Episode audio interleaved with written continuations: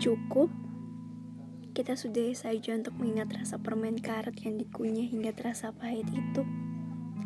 Mengingat hal-hal indah, hal-hal yang membuat jatuh tersenyum lalu menangis.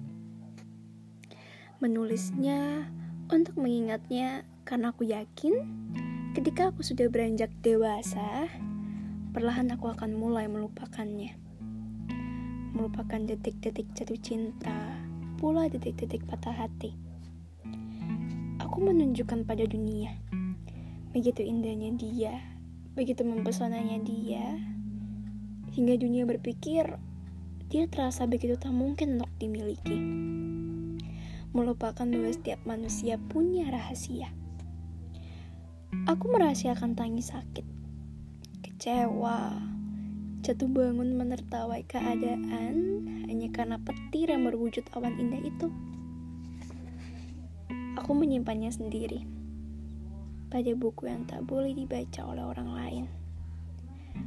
Aku merahasiakan tinta hitam yang bersama kita ciptakan. Orang lain hanya boleh melihat senyumku.